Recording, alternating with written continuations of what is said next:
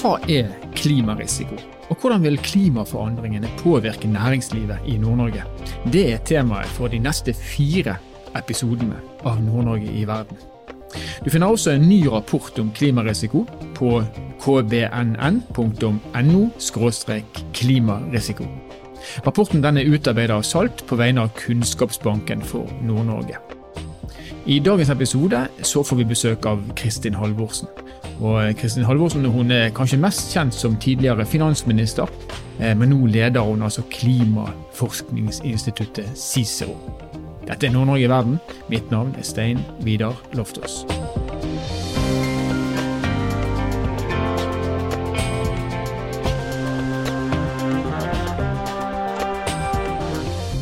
Klimaet endrer seg, og det i seg er en risiko. Det ene faktum er at eh, det fysiske klimaet er i endring. Temperaturene blir høyere, havet blir varmere, vi får mer ekstremvær, mer flom. Det andre er at forpliktelsene som Norge er med på sammen med resten av verdenssamfunnet gjennom Parisavtalen mot et lavutslippssamfunn påvirker oss. Og så har det kommet et nytt begrep den senere tiden, nemlig begrepet klimarisiko. En risikotype som treffer samfunnet vårt pga. klimaendringene. Og En som vet mye om det her, som vet mye om eh, hvordan samfunnet vårt er i endring, det er Kristin Halvorsen. Hun er direktør for Cicero, og Cicero er Norges største miljø innen tverrfaglig klimaforskning. Og så er hun også tidligere minister i Norge. Vi skal ta en prat med hun for å forstå mer av hva forskning sier om klimarisiko og hvordan det påvirker samfunnet vårt. Kristin Halvorsen, hjertelig velkommen.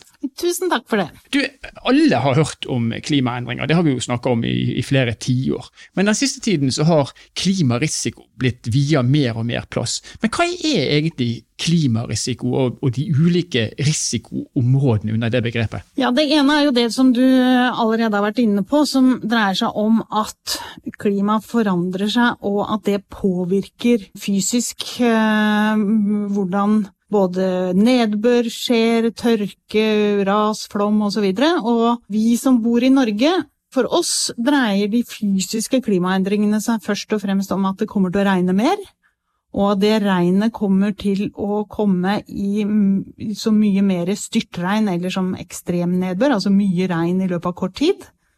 Og det betyr at vi kan få større utfordringer når det gjelder flom og ras, eh, men også overvann i byområder der vi har bygd liksom igjen veldig mye av det, de mulighetene som vannet har til å renne unna. Mm. Eh, og dette ser vi allerede på forsikringsselskapenes eh, skadeoppgjør. Det har vært en kraftig økning av forsikringsselskapenes utbetalinger i forbindelse med skader knytta til overvann. Det kan være industriområder som blir stående under vann, det kan være kjellere som blir fylt av vann, osv. Mm. Eh, og vi er jo også kjent med ulike ras og skred. Og en del lokalsamfunn har kanskje tatt for lett på hvor de har tillatt å bygge og ikke bygge f.eks. Og her er det behov for betydelig mer kunnskap. Mm. Men en tommelfingerregel når vi snakker om fysisk klimarisiko, det er jo at der det er vått fra før, der blir det våtere, og der det er tørt fra før, blir det tørrere. Ja. Men i Norge kan vi jo også ha kombinasjoner av dette. ikke sant? Det kan være eh, sånn som sommeren var i 2018. Da var det veldig tørt i vekstsesongen og vått i høstsesongen og betydelige tap for eh, landbrukssektoren.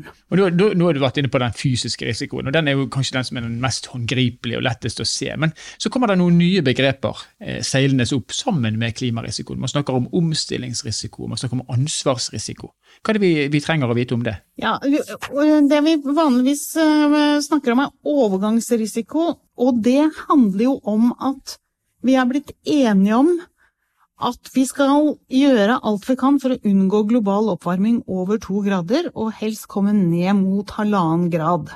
Mm. Og det er kjerneinnholdet i Parisavtalen. Og hvis vi skal få til det, så betyr det at alle land må endre politikken sin. Og det kan jo gjøre at f.eks. det blir dyrere å slippe ut klimagasser enn før. Det kan bety at man må regulere. Ehm, det kan bety at man gjennomfører ulike tiltak som igjen endrer rammebetingelsene for eh, investorer og for næringsvirksomhet.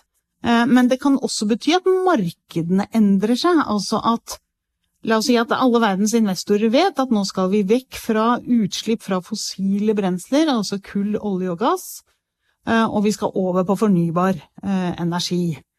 Og hvis de da begynner å tenke at da er det på et tidspunkt må vi slutte å investere i eh, fossilinvesteringer og over på fornybar, så vil jo det også gjøre en endring i rammebetingelsene, en overgang. Og det siste er jo at teknologien utvikler seg. Så det er jo store usikkerhetsmomenter knytta til hvordan omstillingen fra en fossil økonomi til lavutslippssamfunnet vil skje.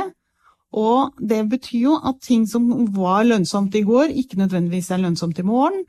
Og at det kan komme opp nye vinnere i disse markedene. Så alle som driver næringsvirksomhet, de må jo følge veldig nøye med på dette og prøve å ta gode beslutninger i forhold til hva som kommer til å være riktige og viktige investeringer framover.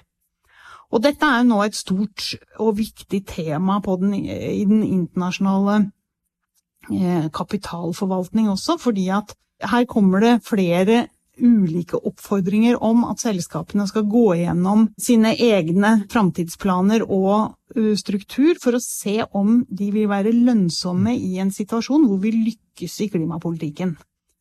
Og det handler om å gjøre det transparent, da mulig for andre å se hvordan selskaper har tenkt å forandre seg framover. Og nå som vi er midt i, i si, virkningen av korona, så er vi jo egentlig i en situasjon som illustrerer en sånn omstilling veldig godt. Nå kan det jo hende at det er en del av de tiltakene som vi har satt i gang for å hindre smitte, som betyr at vi ikke kommer helt tilbake der vi var før Eh, koronaen. For eksempel vil det være mange flere møter i arbeidssammenheng i framtida som kommer til å skje eh, digitalt eller i form av videokonferanser, eller kommer vi til å reise like mye som før? Og hvis vi ikke kommer til å reise like mye som før, så vil jo det ha en helt annen uh, framtid for alle som driver innenfor transport, flytrafikk, Eh, konferansehoteller osv.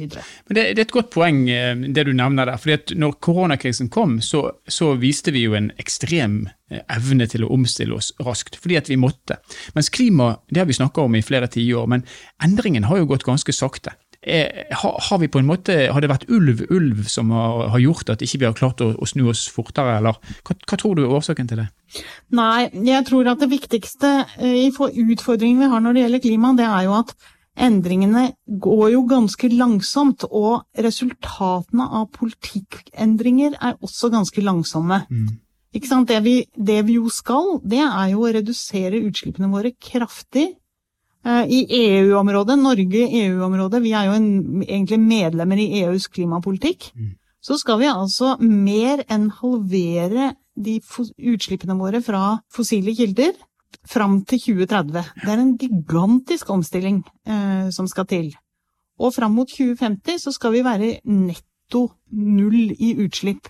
Så det som jo er et stort spørsmål, det er jo på hvilket tidspunkt er det man kommer til å redusere klimagassene, ikke bare sånn langsomt, men at det kommer noen sånne tippepunkter, noen tipping points. Mm der man i stor fart går bort fra fossile energikilder og over på fornybar energi.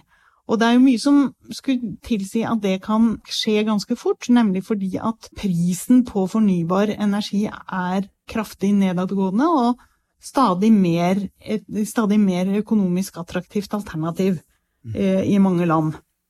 Hvis du ser på eh, det norske næringslivet, og kanskje det nordnorske næringslivet i særdeleshet, siden det er hovednedslagsfeltet for denne podkasten, eh, hvor flink har næringslivet vært til å starte denne endringsprosessen, som da skal kulminere med ja, en terskel i 2030 og en annen i 2050? Vi merker fra vår side her på Sistro, vi er jo et klima- og forskningsinstitutt som også har samarbeid med mange eh, bedrifter og næringer, og vi merker jo en veldig økt interesse for å skaffe seg kunnskap om hva klimarisiko faktisk innebærer. Mm.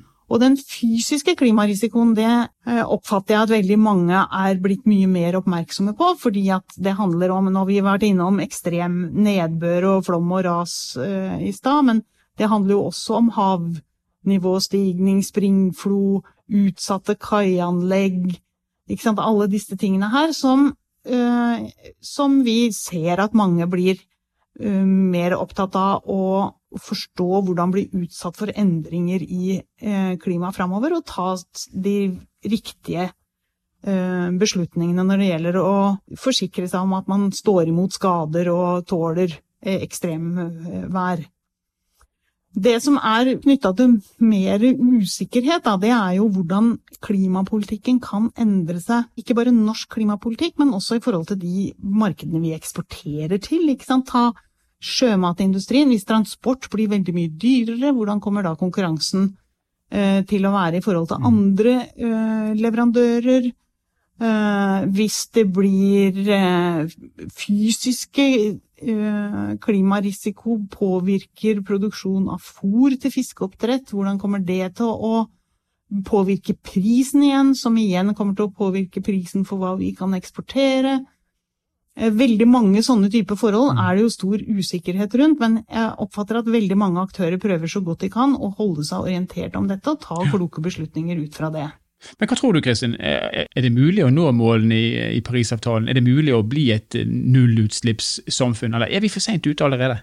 Nei, det er, det er, krevende å nå målene i, i, Parisavtalen, og det er fordi det er så øh, Utslipp av klimagasser, eller utslipp av CO2, det betyr at CO2 lagrer seg i atmosfæren. Den lever nesten evig og at vi har en kvote som vi er i ferd med å bruke opp.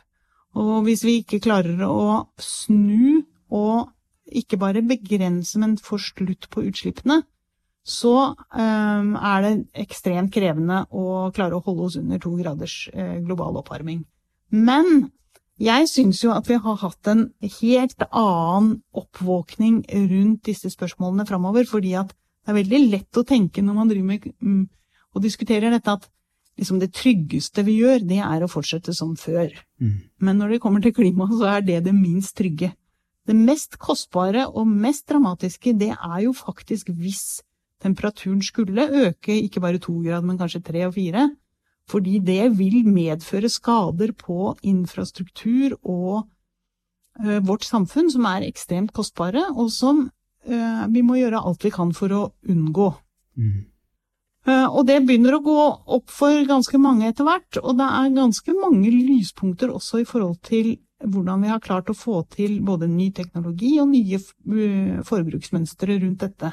Så jeg tror at vi kan få til, en, få til mye raskere forandringer i framover enn det vi har bak oss når det gjelder hvordan vi tenker rundt transport, hvordan vi tenker rundt reduksjon av utslipp, hvordan vi tenker rundt omstillingen til lavutslippssamfunnene.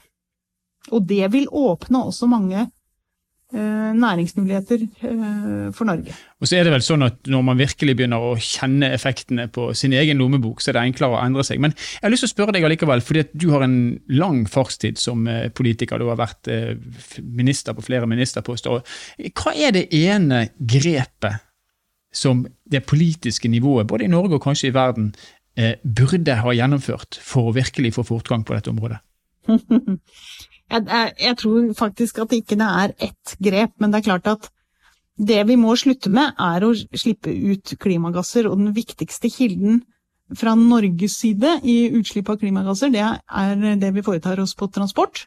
Nå driver vi og elektrifiserer ferger og elektrifiserer personbiltransporten, og det må vi fortsette med når det gjelder eh, tungtransport anleggsmaskiner eh, osv. Og, og vi må jobbe i forhold til eh, både luftfart og eh, skipsfart for å få ned utslippene. Og så er det den andre store kilden som gjør at ikke norske utslipp er redusert. Eh, det er jo selve produksjonen av olje og gass. For i forbindelse med produksjon av olje og gass, selv om vi eksporterer det meste og det forbrennes andre steder, og andre land har ansvar for de utslippene, så er utslippene fra norsk sokkel en betydelig del av de norske eh, utslippene. Og det tredje store kilden er jo industri, og der har vi redusert utslippene i stort omfang i løpet av de siste eh, årene. Så er, vi må slutte å bruke fossile brensler og komme oss over på fornybar. Og det klarer vi å få til? Det kommer vi til å få til, men eh, det som er utrolig viktig at vi husker, det er at prisen ved å ikke få det til, er veldig høy. Ja, Ikke sant. Så enkelt er det egentlig. Mm. Tusen takk for at du kunne være med oss, Kristin Halvorsen, direktør i Cicero. Takk for meg. Lykke til til alle. Så der klimaendringene kanskje på et tidlig tidspunkt dreide seg mest om eh, fysiske ting, altså farer, eh, så har vi i dag switcha fokuset litt til å snakke om de mer økonomiske konsekvensene av klimaendringene. Risikoene som har da økonomiske slagsider. Og så nevner jeg igjen at eh, vil du vite mer om klimarisiko og hvordan det påvirker Nord-Norge, vel, da kan du lese den ferske rapporten på Kunnskapsbanken, kbnn.no. kbnn.no.